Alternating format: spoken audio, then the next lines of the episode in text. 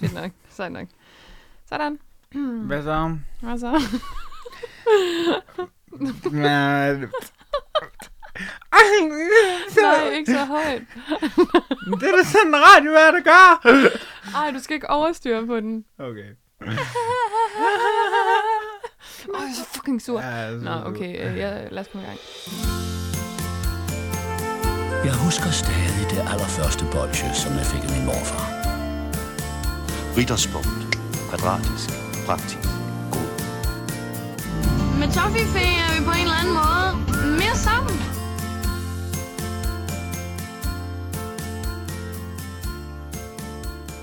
Så er det blevet treat day, ja det er. Det er blevet treat day, og vi er her. Vi skal guffe noget lækkert guf, lige guf. Må jeg har drøs fra min mor, fordi så, nu er det tid til fredagslæg. Og senere, hvis vi er heldige lidt fredags. Sådan. Velkommen til fredagslæg. det er treat day.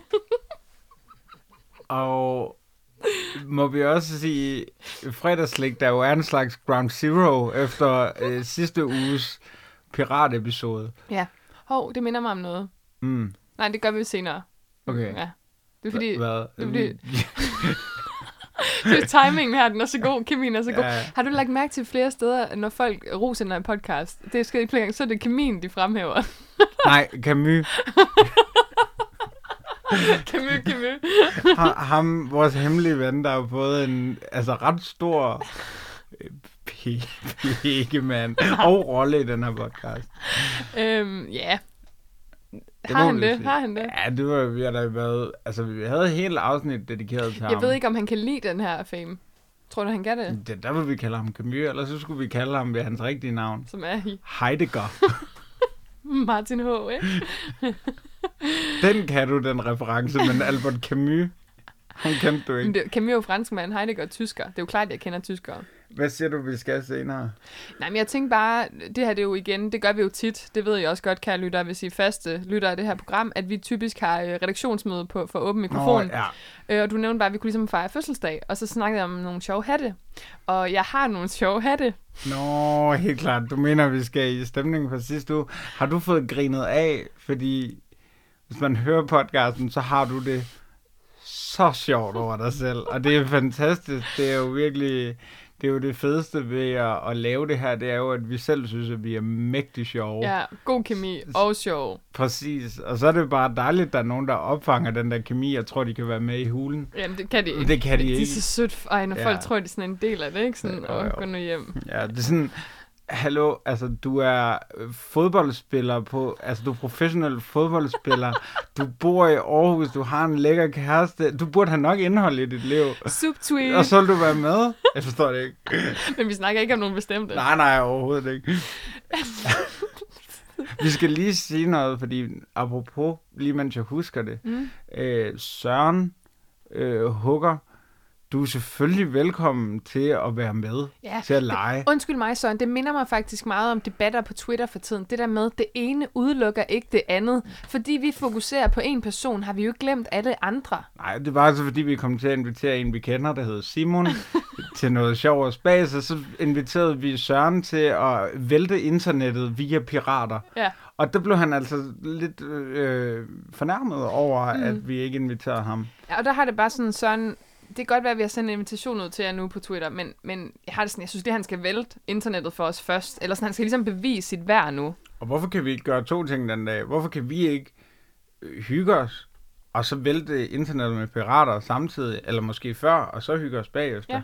Jamen, det er det. Folk tror, det er så unuanceret alt sammen. Det er altid så sort-hvidt, og sådan er vi ikke. Vi er fyldt med nuancer. Eller du har godt nok en hvid, hvid trøje på, sorte Mm. bukser, men Det er kedeligt. Det er håbløst. du ser så grå. kedelig ud. Ja, det er så grå. Øh, jeg vidste, du var gul. øhm, Gul, gul og bedragerisk. Øh, men, Okay. men altså, inden vi får savet den gren, vi sidder på over, og altså, skal vi ikke også, det er vores andre lyttere, det vil vi kunne starte med din søster, eller et eller andet. Ja, hun bliver 18 i dag. Øhm, fuck hende. og tillykke. Ja. Ja. Apropos øh, fødselsdagstema lige om lidt. Gud, hvor godt. Det er sgu også lidt hendes fødselsdag, vi Ja, fejrer. det er godt. Jamen, havde du så noget? Øh, vil nej. Nej, okay. Jo, øhm, vi kommer nok til... Hvis man ikke kan lide kloven, så er det ikke den her podcast, man skal lytte til i dag. Øh, hvis man gerne vil lære at elske det. Så er det i dag, man skal lytte. Det tror jeg faktisk. Fordi det er det ene tema. Det andet tema, det er noget, og igen bliver det faktisk lidt åben re- reaktions, et redaktionsmøde. Øh, Også et reaktionsmøde. Oj, oh. Det er jo, vi har jo et redaktionsmøde, hvor vi aftaler, hvad der skal i programmet. Så har vi et reaktionsmøde, hvor vi aftaler, når du siger det, hvordan skal jeg så gøre? Ja, præcis. Nej, nej, nej, nej, nej. Wow, kan det være så blot? øhm, nej, Det, din er typisk, ah, lad os nu se. Ja. Det, det er den eneste reaktion, du har. ja, men det er faktisk en re- klovn reference, Mhm. mm. hvis vi skal være sådan lidt forklarende i dag. Nej, åben redaktionsmøde her, øhm, fordi alle ved, eller mange, der lytter til den her podcast, og igen, vi er rigtig glade for det, vi ved godt, vi er sjov. Men mange, der lytter, jeg tror, jeg lytter øh, med, fordi det er meget let, det her. Altså, der er altid god stemning, der er aldrig tunge eller alvorlige emner. Og det har vi tænkt, vi skal lave om på i dag. Så nu øh, til at øh, indgå i en debat omkring øh, USA og øh, Mexikos øh, nye øh, grænseforhold, der har vi altså Vincent Hendricks fra Københavns Universitet Han er og faktisk god, han er god. Albert Camus. Nej, jeg, jeg, det er sådan lidt åben for, fordi jeg, jeg, jeg vil spørge dig om noget. Ja. Øhm, er der plads til, at det, det kan være alvorligt her i fredagslæg? Mm. Øhm, og det er faktisk sagt helt alvorligt det her, uden et grin på læben. Altså, vi kan sagtens sidde og smile og reagere. Mm. Øhm, men jeg havde jo lyst til, øh, inden i går, og i forgårs, nej, inden i går var det, at øh, vi skulle anmelde øh, knoppers, eller knoppers med øh, kokos, øh, jævnfør øh, sidste øh, episode. Ja. Fordi Natasha Brock, vores øh, husven, som også er velkommen til enhver tid, vigtigt at sige, Natasha, øh, hun anbefalede jo på et tidspunkt mig, at øh, da hun havde købt gaver til mig, at man kunne få øh, en, en rulle med knoppers, øh, eller knoppers i Aldi for 40 kroner. Og så havde jeg tænkt mig, at vi skulle anmelde de der knoppers. Øhm, men øhm, jeg spiste dem alle sammen Mm. på en gang. Og jeg, jeg har bare aldrig blandet øh, fredagslæg sammen med, med den side af mig før. Og du har faktisk tidligere spurgt mig, om det nogensinde var noget, vi skulle blande ind. Ja. Og, og det er så det, jeg spørger om nu. Skal vi det på nogen måde? Fordi jeg har ikke noget problem med det, men jeg ved ikke, om vores lyttere tænker, det var ikke det fredagslæg, jeg kender. Jamen, kun hvis du har lyst. Men jeg har lyst. jeg har lyst. Anja, hvis du ikke har lyst, så har du ikke lyst. Jamen, jeg har lyst. Ej, det er så. Ej, hvor er det nu, de skal hen og feste? Det er sådan, de andre tager en taxa ind til byen. jamen, de skal da hjem til... Nej, men er det ikke, nej, de snakker sgu da om Café Ketchup eller sådan et eller andet. Det, er, Jo, jo, jo. det er så nulagtigt. Nå, Kom meget ind på Super. ja. nej, hej Pia. Kommer mig ind på super. Nej, øhm. øhm, så, så det, var bare, det var faktisk, altså, jeg har lyst, men, men jeg kan bare ikke finde ud af, om vores lyttere bliver lidt skræmt væk af, at det ikke altid er sjovt i fredagslæg. Nej, jeg synes, det er smukt. Og det var også derfor, jeg spurgte dig dengang, at jeg synes, at det, det ville faktisk klæde vores podcast. Mm. Også måske netop at trække det ind i et forum, hvor at selvfølgelig kan man snakke alvorligt om det, men det nærmeste øh, et grin er bare ikke så langt væk. Nej. Altså, så det er ikke sådan noget... Øh, det, det er ikke en terapigruppe, det her. Nej, og det er ret vigtigt at sige, du må gøre alt det grin, du vil. Ja. Øhm, fordi jeg har også gjort grin med det utrolig mange gange, og jeg øh, har et ret nært forhold til alt det her, så jeg, jeg er ikke bange for, at du gør mig ked af det, eller sådan, hvis du forstår, hvad jeg mener. Og, eller lytterne tænker dumme ting. Men sagen er til dem, der overhovedet ikke fatter en skid endnu. Det, sig det. Jamen, øh, jeg har i øh, syv år haft en spiseforstyrrelse, øh, øh, har senere fundet ud af, hvad den hed. Øh, jeg troede selv, at jeg var en overspiser, men jeg har atypisk øh, bulimi. Og det betyder, til dem, der ikke ved, hvad bulimi er, at man typisk spiser i meget store mængder, fordi man i lang tid tænker, for eksempel, man nægter sig selv en bestemt øh, madgruppe. For mit vedkommende var det typisk sukker. Og på et eller andet tidspunkt knækker man så, fordi man ikke får nok at spise, og så overspiser man i store mængder. Og en øh, almindelig, siger jeg i citationstegn, bulimiker, i hvert fald det, de fleste kender, er en, der går ud og kaster det op bagefter. Når man har atypisk bulimi, så kan man for eksempel overmotionere, eller måske lade være med at spise resten af dagen, så du kompenserer på en anden måde, end at kaste op. Det var det, jeg havde, og har for den sags skyld. Øhm, og i mange år fra jeg var i 19, flyttede hjemmefra til ja, februar i år, der øh, overspiste jeg flere gange om ugen, og det, der er lidt interessant for min spiseforstyrrelse, det var, at det altid var øh, søde sager. Altså, så det var ikke anden, andre madvarer. Det var ligesom chokolade og slik og alle de kager, cookies og hjemmebag og sådan noget. Øhm, og det var op til mange gange... Ja, Emil har et spørgsmål, så med, med fingrene i vejret. Det er fordi, at jeg er interesseret i at, at, at vide, mm. øh, hvorfor det er chokolade, du bruger. Mm, Altså, ved, ved du det? mig det her det er min egen psykoanalyse, mm. øhm, men øh, da jeg var lille, indtil jeg var faktisk ret mange år, der øh, ville mine forældre ikke have spise slik. Fordi at øh, jeg, jeg kunne tåle, øh, øh, hvad hedder det, sådan noget, øh, appelsin og sådan noget, der var rigtig meget sådan noget, hvad hedder sådan noget, citrus i meget slik. Øh, så, så jeg fik, de var bange for at give mig slik, jeg var deres første barn, og de var virkelig køllingforældre. Ja, de fandtes også i 92. Øhm, og, Ja, men de fik en renaissance i 98, da man fik et ord for det efter sølvmedaljen ved OL.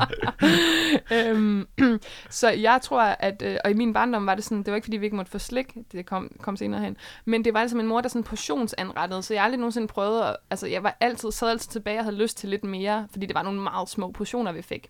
Så hele mit liv har jeg været vant til det, det er et. To, jeg har været elitefodboldspiller, og da jeg var elitefodboldspiller, så spillede jeg fodbold op til 7-8 gange om ugen, hvilket vil sige, at jeg skulle spise hele tiden, jeg skulle røre mig hele tiden, så jeg spiste øh, alt, altså hvad jeg ville. Øh, det var ikke noget problem. Så jeg havde aldrig øh, tænkt over mit indtag før noget som helst, fordi det var ligegyldigt. Øhm, og øh, da jeg så stopper med at spille fodbold, da jeg er 19, så, øh, så starter jeg med at overspise i stedet for. Kompensere for et eller andet. Det, det bliver meget sådan psykoanalytisk på en eller anden måde, eller kognitivt.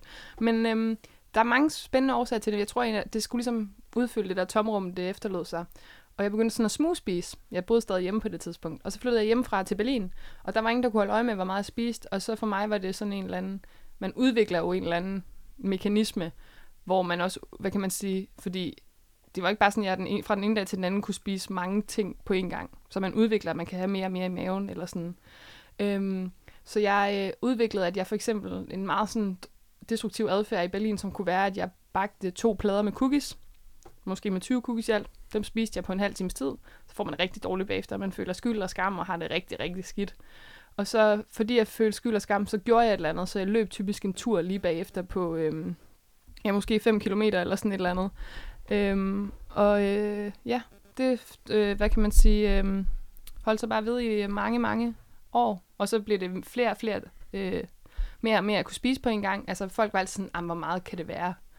En gang har jeg prøvet at spise øh, et kilo chokolade på en dag, for eksempel. Hvis man, bare til sammenligning, hvis folk ikke er sådan, jamen du er jo ty- tynd. Det var også det, jeg blev mødt af de mange første år. Det var sådan, "Men du ser jo tynd ud, hvad er dit mm. problem? Og det er generelt, langt de fleste spiseforstyrret, de ser helt normalt ud. Nå, øhm, mange år, så begyndte jeg at få angst også. Ej, det er sådan en hel Rikkes biografi her, øh, samtidig med, fordi jeg var bange for at dø af, at jeg overspiser så meget. For jeg kunne ikke forstå, når jeg spiste 4.000 kalorier på en gang. Et, hvorfor tog jeg ikke på? To, fik jeg ikke en blodprop, fordi det måtte jo sidde i min krop, det der.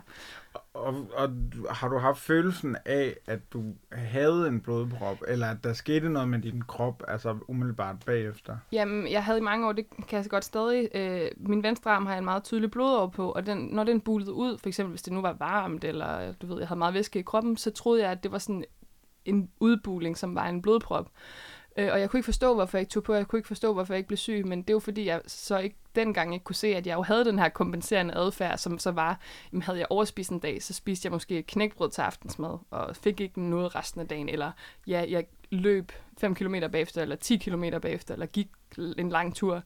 Så det udlignede jo sig selv, så derfor så skete der ligesom aldrig noget der. Øhm, og det blev ligesom så mere og mere, og flere og flere gange om ugen, de øh, efterfølgende mange år. Og så for et par år siden, så skrev jeg en kronik til, øh, til politikken, som hed, mit navn er Rikke, og jeg er sukkernarkoman. Og øh, den satte lidt i gang i det hele. Der var mange, der skrev, er du sikker på, at du kan en spiseforstyrrelse til mig? Og så var det ligesom efter den, at de første frø blev sået, men det var først sidste år, da min kæreste og jeg var gået fra hinanden, og jeg var virkelig syg, at jeg sådan fandt ud af, nu bliver jeg nødt til at gøre et eller andet her, og det, det må være en spiseforstyrrelse. Og så blev jeg sendt igennem hele systemet, og så kom jeg i behandling i et øh, fem måneder ude på det, der hedder Stolpegården, som er det bedste offentlige behandlingssted for spiseforstyrrelser i Danmark. Pointen med alt det her er, øh, at nogen vil spørge mig, hvorfor fanden har du sådan en podcast, der hedder Fredagslæg? Er det ikke sådan en rimelig stor trigger?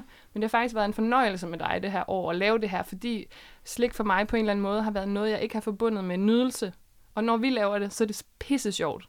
Altså, det er skide sjovt, og man nyder det, fordi vi, altså, det bliver, det bliver en positiv sammenhæng, hvor det andet er forbundet med, at man er alene, og at man er skyldig, og man skammer sig.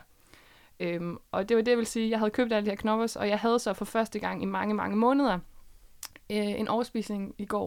Og jeg tror, at det hænger lidt sammen med, at... Øh, altså, nu skal jeg nok lade være med at gå for meget af min terapitid i den. Øh, det skal også siges til folk, jeg har det rigtig godt nu. Jeg har, ikke, øh, jeg har måske overspist tre gange, siden jeg stoppede på Stolpegården, hvilket er meget lidt. det er fem måneder siden. Nå. Øhm, grunden til, at jeg overspiser, det er, øh, når man ikke kan administrere sine følelser, og man ikke ved, hvad man skal gøre ved, hvis man har et kaotisk følelsesliv. Og øh, det tror jeg, jeg har lige for tiden. øh, apropos Camus, så er han øh, smuttet til, til Jylland, hvor han skal være de næste par år og studere. Og det tror jeg bare har ramt mig rigtig hårdt, fordi jeg har været så glad i så mange måneder, og pludselig kommer der noget, som man slet ikke ved, hvordan man skal håndtere følelsesmæssigt. Og så tror jeg, det var sådan, jeg var, han var lige til Jylland, altså det starter ligesom nu, øh, det her, hvad, det vi laver, langt væk fra hinanden. Øhm, og så øh, havde jeg de der mange knopper, og så var det ligesom en gammel mekanisme, jeg sådan kunne hive frem på en eller anden måde. Men øh, det gode er, i gamle dage ville jeg få det rigtig dårligt af det. Jeg ville nok have overspist igen dagen efter, eller du ved, sådan skamme mig. Men den her gang besluttede jeg mig for sådan, det har jeg ikke tid til. Så nu tænkte jeg, at jeg vil snakke lidt om det fredagslæg, fordi det er ikke så farligt. Så det var en lille historie her. Skal vi ikke lige, altså, jeg har nogle ting, jeg gerne vil spørge om, men, mm. men lad os lige, fordi vi startede ret forvirrende, lad os lige sige, at om ikke så længe, der kommer vi til at snakke om kloven, som starter i aften, hvor vi sidder og snakker. Altså, den, der har været på premiere på den, når du lytter til det her, ja. men vi er så meget oppe at køre over kloven, og det fylder en hel del, at det kommer vi til at runde. Derudover så er vi også lige blevet et år, så vi holder fødselsdagstema. Præcis. Så der er to temaer, vi skal igennem efter det store øh, bulimi-tema. det store angst, øh, depressionstema, som man altså ikke nødvendigvis forventer, når man trykker play på øh, fredagslæg. Og det er derfor, jeg bare lige siger det, for jeg synes, det er, det er mega smukt, og det er mega dejligt, at du gider at dele om det. Øh, noget, jeg så tænkte over, det er det her med, at øh, når man har det øh, dårligt, du nævnte nogle perioder, hvor det kommer i, jeg nævnte det her øh, konkrete eksempel, øh, så tror jeg, der er mange, øh, der tænker, øh, hvorfor tyrer du til den her øh, adfærd. destruktiv adfærd, som du godt ved er destruktiv? Ja, men øh, det er bare fordi, det er min forsvarsmekanisme. Øh, fordi alle mennesker, når de har det svært, reagerer på en eller anden måde. Øh, nogen øh, lukker sig ind i sig selv, taler ikke med nogen mennesker. Andre motionerer måske enormt meget. Andre drikker. Alkohol er jo typisk en forsvarsmekanisme. Så min har ligesom bare været det. Der har jeg fundet min vej. Øh, mange, der er spiseforstyrret, kan også godt lide det, fordi tit så er selve, det, selve ritualet at spise også en del af løsningen på et problem, fordi problemet kan være, at man ikke føler sig udfyldt, eller man føler sig sådan utilpas eller ensom eller sådan noget, så er maden på en eller anden måde hjælpen der, ligesom at det for andre kan være stoffer eller alkohol eller noget andet. Men det er det vel ikke for dig, fordi du, du nævner, at du har det øh, dårligt Nej, men bagefter. det, jamen, det er bagefter, men det er ja. jo mens man gør det. Ja. Ligesom når du drikker alkohol, ligesom når du tager nogle stoffer, ligesom når du, hvad du nu gør, destruktive ting. Øh, det skal også lige siges, forsvarsmekanismer er altså ikke dårlige. Nu nævner jeg bare lige nogle nej, af de store. Nej, nej, nej. Det kan også være, at man ja, afskærer sig fra andre, fordi man har brug for det, fordi man ikke vil blive såret et eller andet. Men det er jo det, der er. Det er jo en dobbeltsidig ting, fordi på den ene side, så... Øhm, øh, så er det jo selvfølgelig noget, som sætter mere gang i den angst, så som også kommer, og alle de dårlige ting, og skam og skyld, og, og øh, bange for at dø og sådan noget.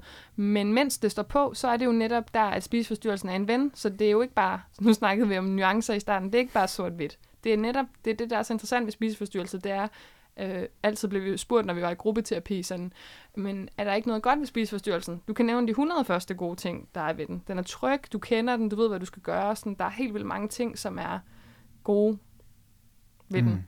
Ja. Mm.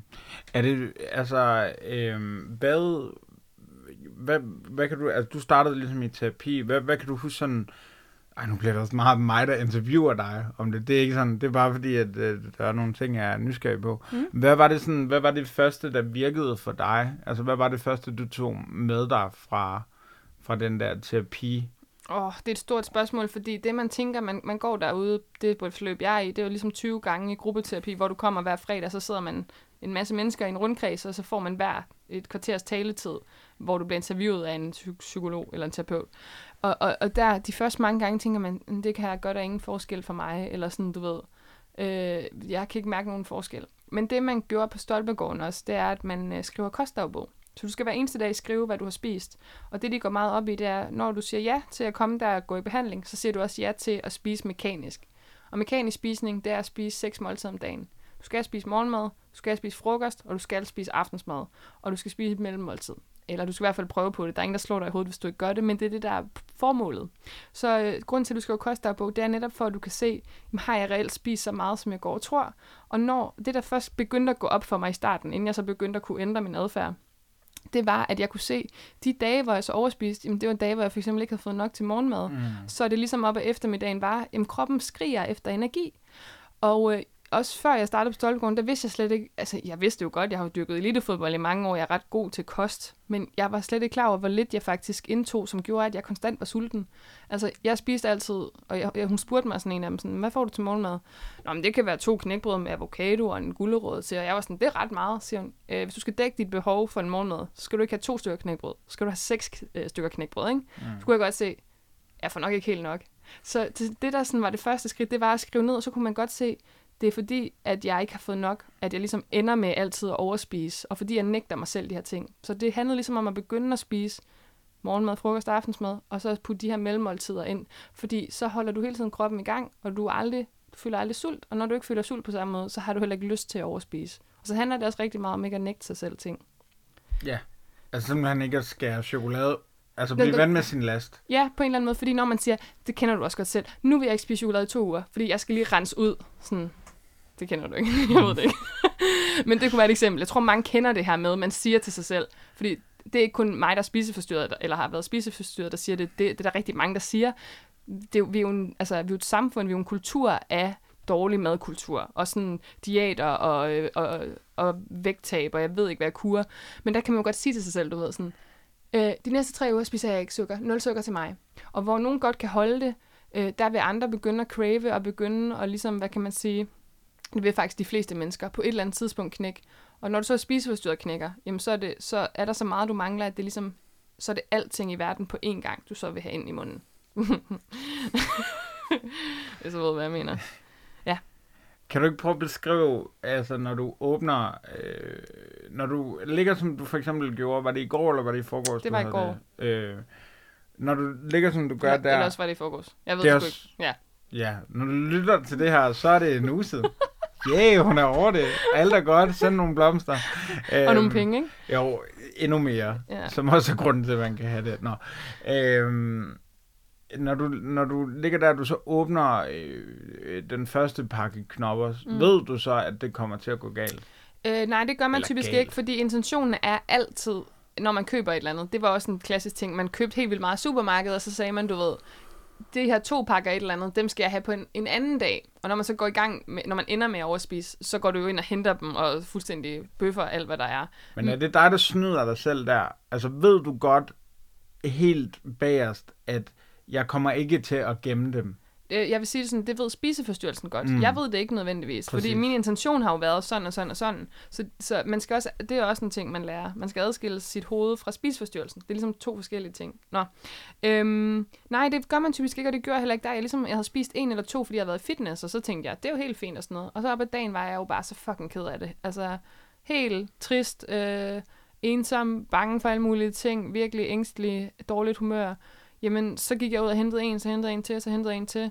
Og pludselig så sidder man der, og så kan man godt mærke, at jeg har gang i en overspisning, og jeg har gang i et gammelt mønster, og der er ikke noget, jeg kan gøre ved det. Og så var jeg på en eller anden måde i det.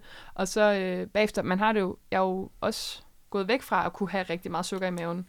Så, så jeg kan heller ikke holde til det mere, som jeg kunne dengang. Det er jo ligesom, hvis man ikke har drukket i et halvt år, det ved du godt. Så, så, man sådan, så drikker man en øl, og så er man sådan wow, jeg kan ikke have mere i maven. Øhm, så, så, øh, så jeg havde det også lidt fysisk dårligt. Det plejede jeg jo ikke at få. Øh, men det er simpelthen, fordi jeg trænede min mave til ikke at spise så meget sukker længere. Så, så jeg fik det ret skidt der, men, men samtidig var jeg meget bevidst om sådan, det er en, en engangsforestilling i godsøjne. Eller det ved jeg ikke, om det er jo. Det kan man jo aldrig vide, men det er ikke noget, der skræmmer mig. Det er ikke sådan, jeg tænker, åh oh, nej, er jeg nu tilbage i min øh, faste, faste mønstre. Kan du så lidt, altså, kan du prøve at sige sådan, hvad du tænker, mens, eller ved du ikke, Man tænker ikke noget. Nej. Man tænker ikke noget, fordi du bruger det til ikke at, øh, at skulle håndtere dine følelser. Ja. Det er det, det handler om. Det er netop, fordi man har nogle følelser af at ikke være god nok, og være, ha- have det dårligt, at være ensom, og være, ikke være elsket, alle de her ting. Øhm, og det er jo så der, du bruger øh, maden, eller for mit vedkommende sukkeret, til ikke at føle det. Så i den, der føler du bare, at du bliver fyldt ud af et eller andet, som ikke er det. Og du ved godt med dig selv, jeg kommer til at få det rigtig dårligt bagefter, men det forhindrer dig ikke i, at i det øjeblik, der er det det rigtige for dig. Øhm, noget af det, som, sådan, som jeg har tænkt, øh, fordi vi har jo kendt hinanden i mange år. Øh, To, ikke? ja, mange, mange, mange to. Fuck, mand, er det kun to år? Ja, det føles det, er fandme, det, er, som f- det er fandme gået langsomt. Hold kæft, det har været kedeligt. Gud, hvor er du røvsyg med alle dine problemer. Nej, men noget af det, som jeg kan huske, at, at jeg var meget... Øh, jeg var slet ikke... Altså, øh, jeg var ikke opmærksom på, at du havde det her problem, og at det var overspisning og sådan noget. Så for mig har det været meget abstrakt, og altså, en af de tidspunkter, hvor det så bliver konkret på, det er, når man ser dig øh, lægge noget op på Twitter, eller noget op på Instagram, hvor du er sindssygt ærligt, ærlig øh, omkring, og det, jeg tror bare, der er en stor forskel på, hvordan jeg ville håndtere sådan en situation, og hvordan du så håndterer det. Mm. Øh, jeg synes, det er mega fedt, at du gør det, men sådan, hvad får du ud af det på en eller anden måde? Men det er jo faktisk en af de ting, der har hjulpet mig, fordi generelt ved folk godt, hvis de kender mig, hvis de kender den der podcast, at jeg for det meste er sådan rimelig bramfri. Og jeg kan huske, at jeg mange år bladede mig med, og jeg er så god til at snakke om mine følelser og sådan noget. Men når alt kommer til alt, tror jeg faktisk ikke, jeg var så god i hvert fald til at vide, hvad jeg selv følte på en eller anden måde. Øhm, og det er jeg blevet meget bedre til med det her. Øh, og på en eller anden måde, så er det bare rart at sætte ord på, hvordan man har det, fordi det har været en del faktisk af min proces med at få det bedre. Altså også at kunne bruge Twitter, dengang jeg var heartbroken, da min ekskæreste jeg slog op. Der brugte jeg det ret meget til bare at være ærlig og være sådan, fuck mit liv i rigtig lang tid. Og det var bare sådan et outlet. Øhm, og så er der måske nogen, der læser det, måske ikke. Og det var ikke så vigtigt, om andre likede det eller støttede mig i det. Det var mere sådan en, sådan en du ved, ud med det et eller andet sted, fordi jeg har brug for et outlet, som ikke er en eller anden fjollet dagbog, som jeg selv kan sidde og Mm. læse i, som lyder dumt, eller du ved sådan. Øhm, så ja, det har på en eller anden måde været vildt rart, og så har- har altså ikke fordi vi skal plukke den, men lad os lige gøre det. Jeg har en anden podcast, der hedder Torkanalen, og den er jo også skabt til sådan noget her. Den er jo skabt til følelser. Du har sådan en anden podcast. Jeg har altså også en anden podcast, og den hedder Retshold resten, og det går rigtig godt. øhm, ja. Nej, men, men det er rigtigt, men jeg tror, der er mange, der, der tænker, at grunden til, at du gør det, er, og Rikke vil bare gerne have omsorg. Mm. Ikke, at jeg tænker det, men jeg tror, at umiddelbart, nogle gange, når jeg ser nogle andre gøre det på den måde, så tænker jeg, åh, du vil bare gerne have, at jeg skriver, ej, hvor er du smuk. Men jeg bliver aldrig nogen af mig siger, at jeg er smuk. Og helt ærligt, du kunne fandme godt sige det noget oftere. Fordi ja, Ja, jamen, du ser tæske godt ud. tak. Du er tæskemandig. Hvis du vidste... Okay, du siger faktisk noget lidt sjovt, ikke? Jeg har sindssygt mange blå mærker lige for tiden, så jeg ser faktisk tæske godt ud. Ja, okay. Du er simpelthen blevet øh, banket. Ja. Okay, men nok om, øh, nok om, om din store øh, sengegavl. Øh, så nej, altså... Øh, nej, det har aldrig været målet. Det har været målet at skulle dele med andre, fordi du ved godt, jeg er sådan en, der godt kan lide, at vi lige går op med, med nogle bestemte følelser, der er forbudte og sådan noget. Fordi der er... En af mine kæpheste er jo også, at det kan godt være, at jeg var spiseforstyrret og var i behandling for det. Der er så mange mennesker, der går med spiseforstyrret tankegang. Vores samfund, vores, vores madkultur er spiseforstyrret. Altså jeg har en, og jeg sætter ikke nogen navn, jeg kender en person, som jeg øh, snakkede med i weekenden, som fortalte mig, at vedkommende er stoppet med at spise brød og pasta og bla bla bla. Sådan, og jeg var sådan, hvor får du dine kulhydrater fra? Og så siger vedkommende, fra salat. Og jeg var bare sådan her, hold nu op.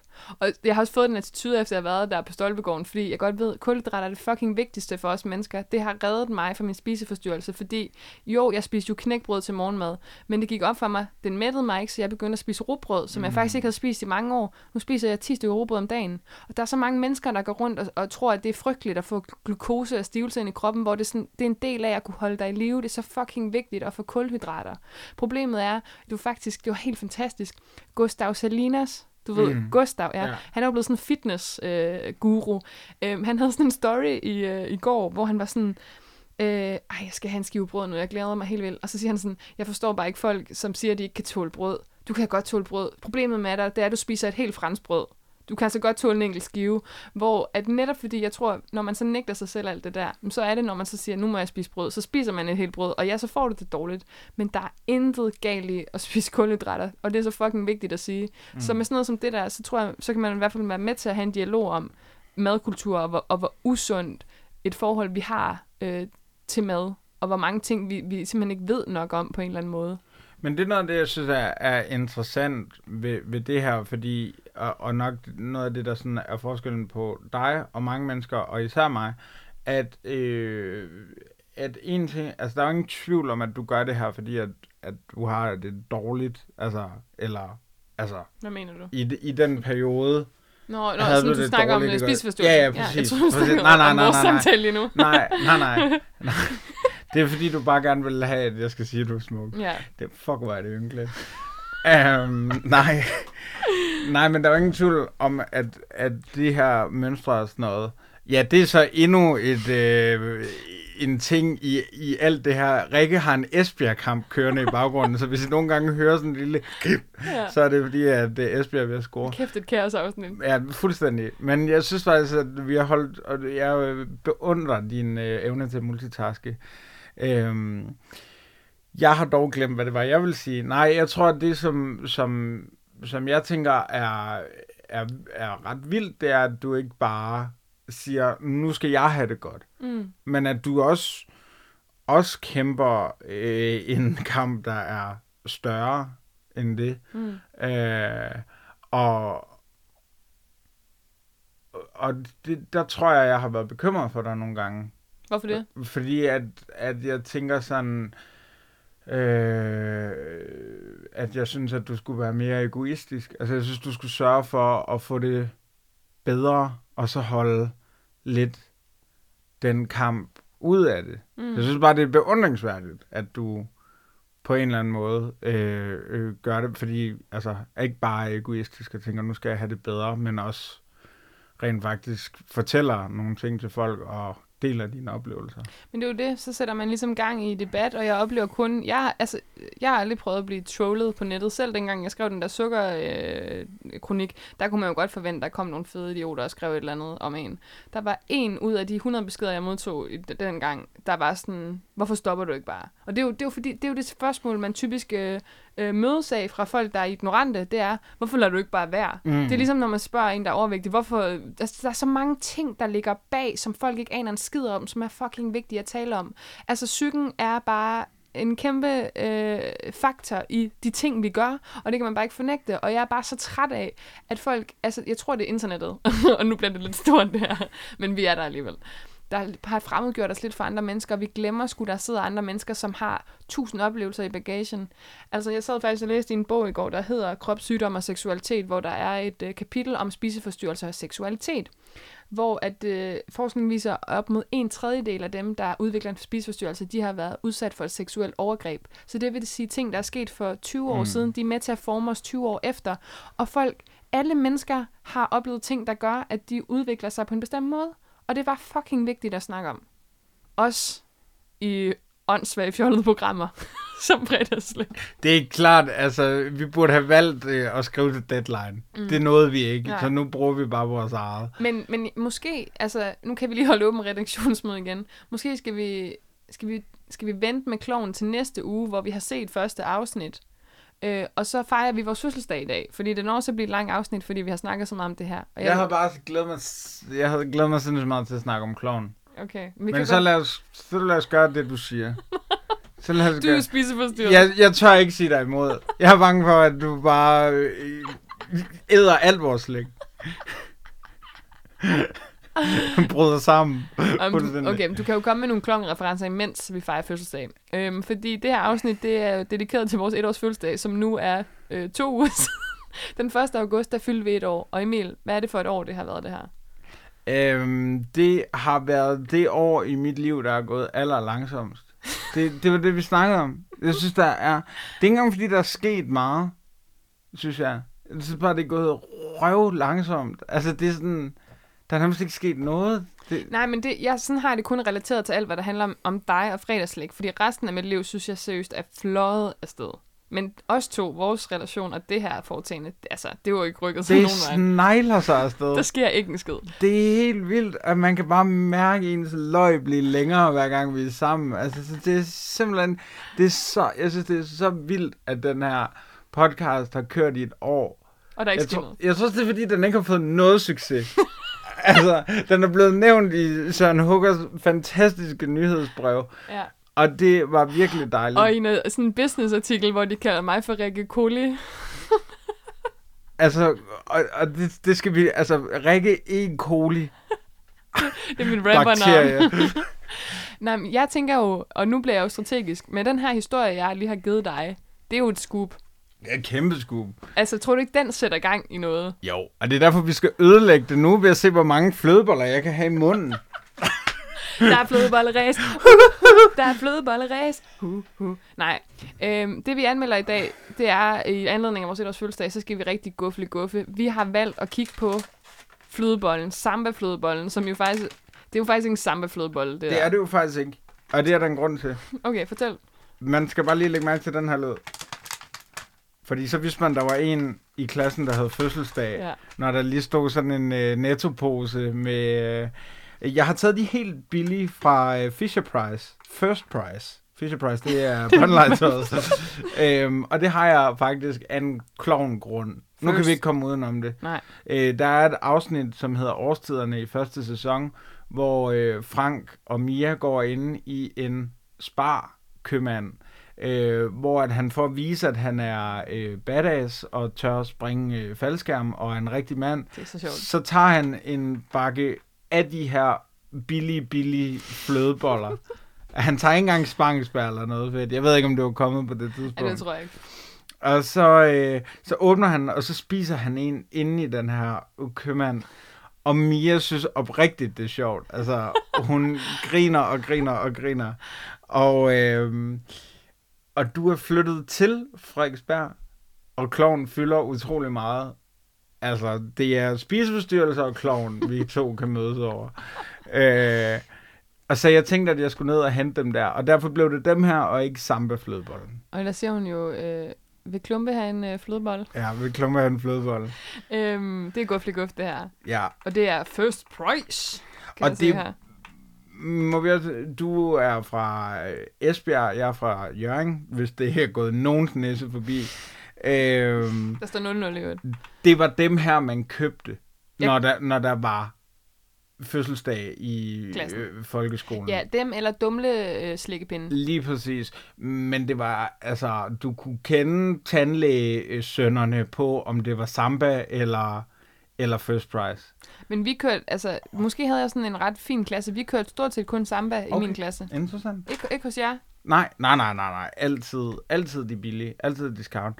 Jeg kan huske, at, altså, min far, han købte dem et år i øh, Aldi. Det fik han aldrig lov til igen. Det var simpelthen så ulækkert. Ej, jeg var i en Aldi her i weekenden, faktisk for at købe de der spiseforstyrrede knoppers. Og der, øh, det var sgu ligesom at træde ind i DDR i 1978. Altså, det er så vildt. Det er en tidslomme. Ja. Og også de mennesker, der kommer der. Fuldstændig. Det er fantastisk. Jeg kan huske, at en gang, øh, så var jeg øh, meget øh, forvirret. Øhm, det er jeg sådan set stadigvæk. Jeg manglede retning i mit liv, og det er en Øh. uge siden. øhm, og så ville jeg øh, søge og ansøge om et job i øh, den lokale Aldi. Og så, øh, og så da jeg kom der, så, så holdt der simpelthen sådan øh, fem scootere på rare række. Øh, og det var lige inden de skulle lukke, at jeg gik ind med min uopfordrede ansøgning. Og jeg tænkte, hold da kæft nogle typer, der handler her. Det ved jeg sgu ikke, om jeg orker. Og det var sådan, du ved, rigtig til Hansen scooter. Ikke for at snakke noget om dem. Og så tænkte jeg, hold kæft mand, nogle kunder, jeg kommer til at have, hvis jeg får det. Og så gik der lige lidt, så opdagede jeg, at det bare var alle medarbejdernes scooter, der holdt der rad og række. Altså, det er virkelig, det er virkelig en speciel, men, men en butik, der kan lidt dog, mm, mm. synes jeg. Ja, ja, men den har nogle rigtig gode tilbud, og nogle lidt obskure ting, for eksempel, altså knoppers der, den havde ret, jeg, for jeg blev lidt interesseret så i, i de søde varer, så Mm. jeg var lige rundt og se, hvad har de ellers, de havde sgu nogle ret gode tilbud. De kørte også Rittersport til en 10'er, skal det lige siges. Man skal jo finde sig i, at, øh, at Rittersport ligger side om side med øh, pickles øh, på glas og sådan nogle øh, mærkelige øh, syltet kål og sådan noget. Altså, Ja, det ja. står bare hulter til bulter ved siden af Jamen, det hinanden. er så men smukt. det kan noget. Ja, det kan virkelig noget. Jeg, jeg er dog mere fan af Lidl, men det er sådan en anden Jamen, lille sag, kæmpe, kæmpe, snak om kæmpe tyske... sted. I øvrigt, en af vores lyttere, åh, hvem pokker var det? Jeg tror, det var Katrine Drejer. Hun, øh, hun sendte os øh, en, øh, en besked på, øh, på Instagram i vores øh, øh, DM's, hvor hun øh, tippede om, at i Little i Jylland, der kunne man få hippos til 12 kroner for, for en Wow. femmerpakke. Skynd jer afsted. Ja, jeg ved ikke, om man også kan i København, men det kan man jo tjekke i sin øh, lokale Little. Hey, og må vi ønske, må vi sige noget apropos hippo, og, og det er ikke, det er ikke fordi, at hun på nogen måde ligner en, men fordi hun elsker dem. Må vi godt have lov til at sige tillykke til vores Kæmpe stor husven. veninde. Eller Ja. øh, vores gode veninde. Din hus, ja, vores husven, de er en rigtig god veninde, og min øh, no, something. Ja. Natasha Brock er blevet nomineret til øh, Årets Talent øh, Ja, blandt øh, fire andre, øh, eller tre andre komikere også til Zulu øh, Comedy. Som også er dygtige. Zulu Gala. Zulu Gala Comedy. Ej, men kæmpe tillykke. Det er virkelig stort. Og de kæmper om 100.000. Er du klar over, hvor mange hippos Jeg det er er? så glad for, at jeg var venner med Natasha, inden at det her øh, potentielt sker. Det, det bliver... Hvornår er gala? Det her er den 31. august. Det bliver et par øh, måneder, hvor vi skal holde fast. Ja. Det handler om at hænge i nu. Ej, men vi, vi hæpper på Natasha. Man Ja, kan desværre ikke stemme på hende, fordi det er en fagjury, der, der vælger. Men hun er nomineret Som jeg er blevet en del af. Det har jeg glemt at fortælle dig. Mm, det er mig, det er Anders Madsen, Det er og det er. Ulf Pilgaard. Det er også tre. Nå, med. Ej, men øh, hende og Pelle Lundberg, Jakob Svendsen og Mads Holm. Øh, det altså virkelig nogle helt gode vildt felt. Ja. Altså, det, ej, hvor er det godt. Øhm, Og så, jeg glæder mig til at se, at de skal lave de der sjove videoer med øh, Mick Øgendal. Ja. Er det ikke ham, der er vært eller et Jo, eller andet? Og så skal de stå og sniffe kokain eller et eller andet sådan, øh, for at vise, at de vil det her. Ja. De er der hvert år, dem der. Ja, jeg ved slet ikke, hvad det er. Nå. Øhm, hvad hedder det? Jeg tænker bare lige på noget, inden vi skal holde fødselsdag. Altså nu er der jo gået det her år. Hvad har været dit øh, absolute højdepunkt? I, bare lige for at være lidt selvsmagende, fordi det synes jeg ikke, vi har været i dag, og det klæder os faktisk overhovedet ikke. Ah, Okay, vi har været lidt. Hold op. Øh, du er sjov. Hvad er dit bedste moment i fredagslæg? I det forgangne år. Øhm, Åh. Jeg ved det godt, med at starte. Ja. Øhm, til dem, der har hørt øh, julefrokosten Ja, afsnittet, så er der et øh, øjeblik, hvor vi spiller øh, et øh, random sp- slik på det Johans slikquiz, vi har fundet på nettet. Og jeg, vi har jo fortalt den her historie før, og man, hvis- man har hørt afsnittet, ved man godt, hvad det er. Men den her kvinde, det viser sig så i det her spørgsmål, at den har været meget privat til sådan Johans familie og venner, for spørgsmålet er, hvor går Johan hen? Eller hvad køber Johan, når hun går til Peter Beyer og skal have noget lækkert? Og der var det altså en ordentlig omgang. Kender du typen, vi havde gang i? Eller kender du Johan? Og vi, jeg nåede ligesom at læse spørgsmålet, inden du havde læst det op. Det var dig, der var quizvært, så jeg skriger af grin. Men jeg når faktisk at svare, hvad er en flødebold? Og det var rigtigt. Ja, men, jamen, altså, det er jo en smuk cirkel. Det var en hyldest De til er ikke for Johan. Peter Beyer, må vi sige. um, Det er nok mit bedste øjeblik. Jeg grinede min røv læser. Jeg vil så sige mange gange, hvor du har skulle have haft et eller andet i munden. Ja, Maltesers var sjovt. Ja, Ferrero Rocher-rekorden. Jeg, jeg må faktisk sige, mit højdepunkt er også, vi skal have flere gæster. Hmm. Øhm, det var simpelthen, da vi havde fundet paprikaskruer til Anders Bøtter. Ja, ja, ja. Og nu vil jeg ikke nævne Anders Bøtter for meget, fordi folk er vilde med ham derude, og de søger bare at få mig erstattet med ham. Men hvis jeg nu bliver rigtig syg på et tidspunkt igen, så kan vi jo bruge bøtter som erstatning for mig. Jamen, det vil være så dejligt. Mens jeg så ligger. skynd dig ud og overspise. Ellers så kan vi få sådan en reportage fra dig. Åh, oh, det er fedt. Det er sjovt. Det elsker folk. Ej, jeg vil bare lige sige, at vi smager på det der. Øhm, hvis I nu sidder, kære lyttere, og har et eller andet favoritøjeblik, så vil, jeg, vil, I, se- vil I så ikke dele det med os? Jeg vil faktisk gerne høre, hvad folk synes har været det sjoveste. Eller sådan det bedste øjeblik i fredagslæg. Jeg synes virkelig også, øh, jeg ved ikke, hvorfor jeg tænker tilbage på det, men øh, afsnittet om snibolden, Ja, det synes jeg var utrolig sjovt at lave. Og, The ej, Fudge. undskyld, Fudge var også grineren. det er Øh, oprindeligt afsnit. pandekagehuset. eller hvad hedder det? Slikhuset, eller hvad fanden det var. Ej, vi sidder bare og gokker. Honningkagehuset. Ej, hvor vi ja. gokker. Åh, der er glasur, hvor de er nu. Nu skal vi smage på en flødebold. Men ikke før, at øh, jeg har sagt, øh, Rikke, tusind tak for det sidste år, og lad os synge fødselsdagssangen. Hvilken en? Den med at Øh, spille? den med de tre instrumenter, så vælger vi et hver, og så får vi lytterne til at vælge et hurtigt. Skal vi lige gå live på Instagram? Ring til Simon Jakobsen eller et eller andet. Jeg tror ikke engang, jeg har hans nummer. Det er sådan lidt Nej, lad os tage den klassiske. Øh, I Dag, dag er det day. fredags- Hvad fanden hedder vi? fredags Fredagslængdes fødselsdag. Hurra, hurra, hurra. Vi sikkert os en gave for, som vi har ønsket os i år med dejlig chokolade og flødeboller til. Hvor Nej, smiler ikke vi, hvor er vi glade. Hold op med at overstyre. Du overstyrer hele tiden. Undskyld, du gør siger, ikke jeg bliver glad. Øhm, nu kommer det helt store spørgsmål, når man spiser flødeboller. Med eller uden kokos? Altså, København er altid kokos. Ja, København er så god. men det er fordi, det er jo den gamle Bounty Island. Amager er slet ikke bygget af skrald, det er bygget af kokosnødder. Men vi er enige om, at det er mest art at tage kokos. Altså, det er det, du mener. Men Det, selvfølgelig skal man tage med kokos. Hold Ja. nu op. Men kan du ikke smage en uden, fordi så vi ligesom kan vurdere? Sådan, du er så nem. Det er fordi, jeg har haft en spiseforstyrrelse. Ej, jeg må ikke til at bruge det mod dig. Åh, oh, det må du godt. Men nu skal vi se, nu er der 12. Lad os se, hvor mange... Du skal tage dem med hjem. Ja, Ej, jeg har det bedre. Nå, vi smager på den. Vi ved jo godt, hvordan flødebold ser ud. Lad os smage på det. Hey, nej, et spørgsmål inden. Ej, du har allerede taget den i munden. Starter du med at tage bunden væk? det kunne man jo. Det gjorde man det jo gjorde i gamle man dage. Det gjorde man i folkeskolen, ja. Men jeg gjorde ligesom det, jeg bed den af og lagde den ved siden af Ja. vaflen, og så sugede man al øh, skummen ud. Hov, ej, vi fører et 0, og jeg har ikke set målet. Far det med en flødebold. Øh, men så tog man ligesom... Ej, for fanden, hvis det var Uti, der scorede, det har jeg også på. Nå, øhm, så tog man vaflen ud, og så sugede man alt det der ud, og så spiste man vaflen, og så tog man chokoladen til sidst. Så det var Mm. meget kompliceret. Men nu er vi jo voksne. Så, så du, du har bare bidt i den. Ja, det har, det har jeg altså bare gjort. Okay. Nu nævnte du øhm, Gustav Salinas og øhm, Ja, pas på, hvad du siger. franskbrød Mm. lige før. Jeg har faktisk hørt om nogen, øhm, som øh, i deres folkeskoletid boede tæt ved en bager og en købmand. Mm. Og så efter skole, så gik de over, og så købte de sådan et stort, hvidt franskbrød. Og så skar de enden af, så udhulede de det. Og så puttede de øhm, flødeboller ned i, og så ligesom knuste dem, Mm. sådan at de kunne gå og ligesom spise af det her flødebollebrød. Er det en urban legend, eller kender du til nogen, Nej, skete? jeg tror faktisk, det er min mor, der har gjort det. Det var også din mor, der havde det der med appelsiner og, og sutteappelsiner. ja, vi Kæmpe højdepunkt. Da vi slikkede julen ind. det var der, hvor jeg var fucking sur, fordi jeg havde fået fjernet visdomstænder. Nå, Det er rigtigt. øhm, det er rigtigt. Det, det lyder fuldstændig vanvittigt. Det lyder ja. ikke særlig lækkert. Nej, det lyder ikke særlig fedt. Men øh, er der ikke en, der gider at prøve det for os? Jo, præcis, det gider vi ikke selv. Men kan du ikke huske, at hjemmeis i en af deres sådan, pakker, du ved, man kunne få, Mm. mm. de der kombipakker, der var der en... Amerikaneren. Ja, amerikaneren, den med flødebold, den var fandme god. Det, det er fandme lækker, når flødebold er frosne.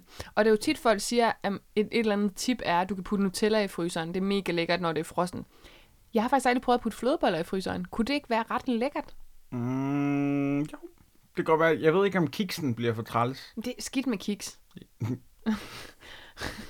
Det sagde vi ikke, da, da vi gik i syvende. Nej, det gjorde man ikke. Men det, det er jo, lad os lige være ærlige, det er jo en kiks. Det er jo den dårligste slappe vaffel i verden. Slappe vaffel. Så det da selv være en slap vaffel. Det er faktisk noget, jeg har døjet en del med, så lad lige være med det. Slap vaffel. Men hey, man kan tage nogle piller. Øhm, Altså, jeg vil også sige, undskyld, øh, det her afsnit kommer, altså det er ret langt allerede, så det kommer nok ikke til at handle så meget om flødeboller, som det faktisk ha- kunne have gjort. kunne du overspise i dem? Det kunne jeg faktisk ikke. Ja, flødeboller har aldrig været noget, jeg har brugt til det. Jeg synes, det, det bliver så hurtigt kvalmt. Det er jo noget, nogle folk, de bare craver helt vildt, og ja. Ja. så er det deres eneste... Øh, man skal ikke kalde det en synd, men nu gør jeg det alligevel. Men altså deres eneste go-to slik. Men den er jo også, der er faktisk ikke særlig mange kalorier i den, fordi den netop er så luftig, så man kan godt spise en del, uden at øh, et eller andet. Men, men jeg synes, øh, altså når jeg tænker på flødeboller, så tænker jeg altså bare mest på Sofie Larsen Kalke og, øh, øh, hvad hedder det, Brønde Mortensens jul. Kan du huske den sang, der er flødebollræs? Ja, den er mega god. Hvor øh, Beatrice, Gof, gof, gof, gof, gof, gof. deres kusine, hun, øh, hun skal kæmpe mod Vilhelm, sin fætter, og hun jo bare kværner de der flødeboller ned, fordi hun er så sej og forsønder omme. Og Vil, øh, Vilhelm, han er jo bare en taber, fordi det er han. Et godt tidspunkt øh, også lige at komme med en anbefaling til en tv-serie, man skal se. Øh, Brønde Mortensens jul. Gå i gang nu, så du kommer i stemning. Kæmpe jul. Det er den bedste julekalender nogensinde. Det er jeg, det. Jamen, det er det. det, har, er jeg det. tror faktisk, vi har sagt det før i den her podcast. Jamen, det, det har vi. Det er, den be- det er så sjovt skrevet.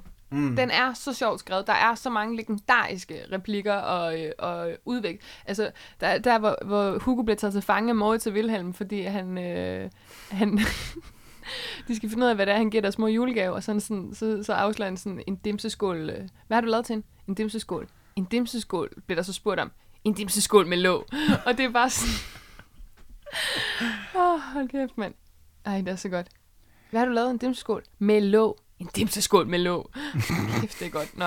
Det er en helt anden sag. Jeg, jeg er meget forvirret. Altså, det har været en god dag, men det har også været lidt mærkeligt at blande to universer, Mm. mm. for jeg har jo altid holdt de her ting adskilt, men nu, nu ved lytterne det. Så må de jo tage stilling til det, hvis de synes, det er for meget. Og Altså, så skal vi altså nok komme med et stort klovn-afsnit. Kæmpe nu lovede vi det. Ja. Nu, det, det kommer. Hvor vi jo, altså ud over flødeboller, øh, kan tage fat i nogle af de andre snacks, som Frank spiser undervejs. Flæskesvær, det er jo så lidt svært for mig, kan man sige. Ja, for jeg tænkte faktisk, hvad er vi tilbage? Fordi min, min første tanke var skumbananen, som han jo øh, har med ind i øh, Pivots polterarben. Ja. Nå, hvor ja, øh, hvor... konen snupper dem, men vi har anmeldt skumbananer, så vidt jeg husker. Men øh, apropos ham der Mågård 90, øh, som øh, skrev den meget søde anmeldelse om kemi, så skrev han faktisk en mail til fredagslik øh, podcast, nej, fredagslik podcast gmail.com, hvor i han øh, efterspurgte, at vi anmeldte skumbananen. Og så var jeg nødt til at sige til ham, den har vi faktisk lavet i en Frederiksberg special. Men altså, det, det skal da ikke kunne være, at vi ikke revisiter noget en gang imellem på et eller andet tidspunkt. Nej, nej, helt sikkert.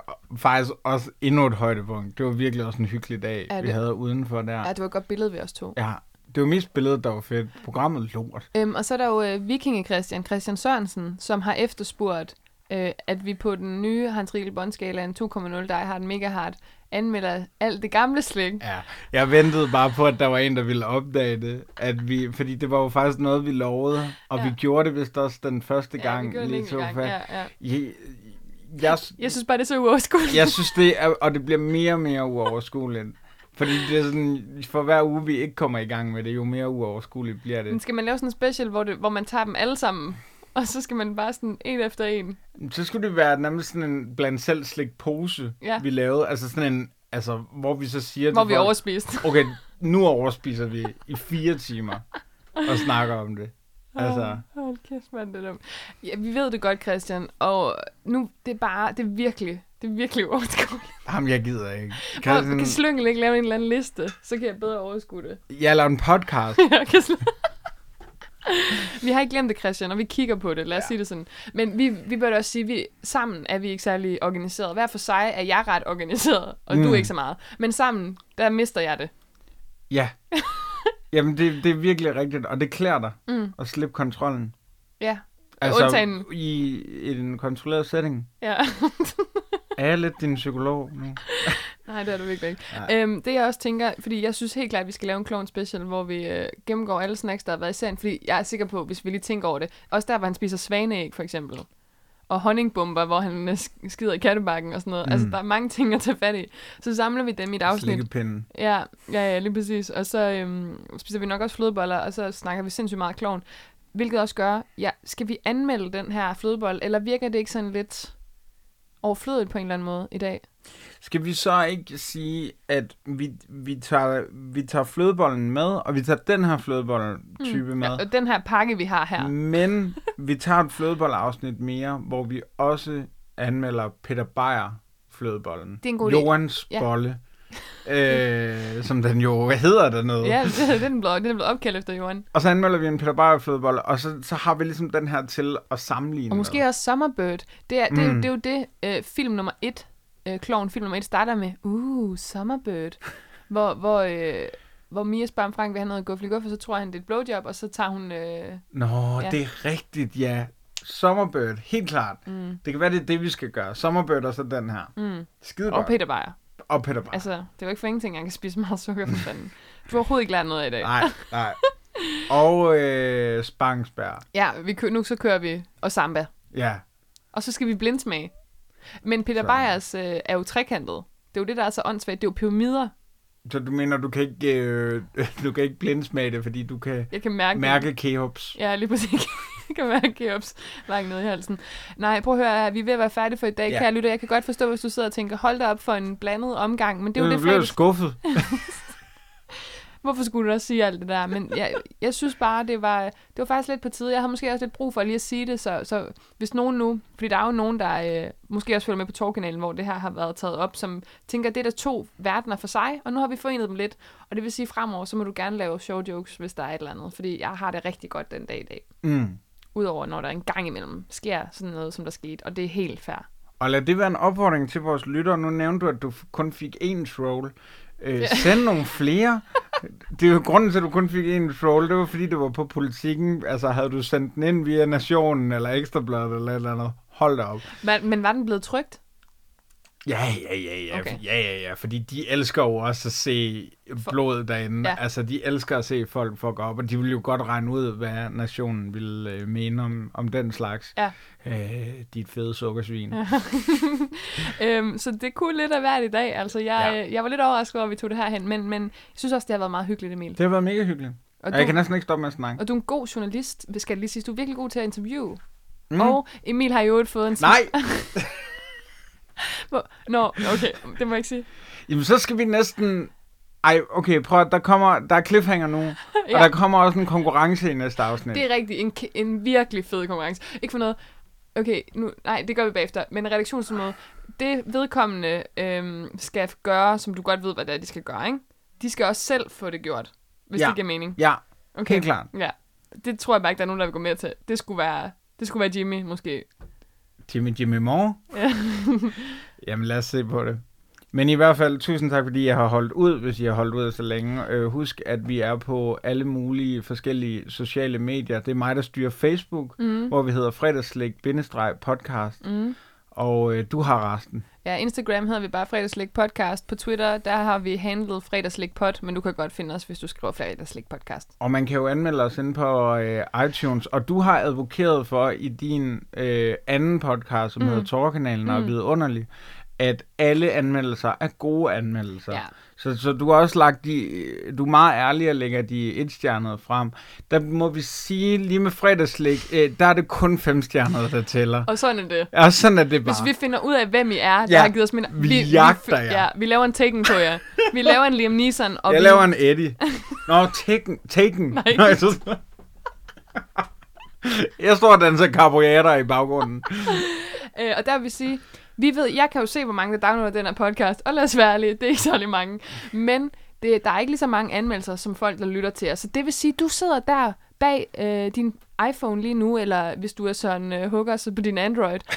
Og ellers Simon Skov for den sags skyld, han har en Huawei, eller hvad de hedder. Det er helt vildt. Nej, det må være noget spons. Nej, det er det ikke. Han har faktisk selv købt den. Men øhm, hvis du sidder der, så gå, og du lytter til iTunes, så gå nu ind og anmeld det i iTunes. Gå nu ind og giv en stjerne. Vi ved, du lytter med. Det er fandme ikke så svært, altså. Vel? Nej. Og øh, på den happy note, så må vi sige, at øh, det her program har været lidt anderledes. Ja. Øh, vi er tilbage med øh, Kloven Ja. og, og, og, og, Sjov og og det der under. Ja. Øh, så nu, nu skal vi overspise. ja, det skal vi fandme.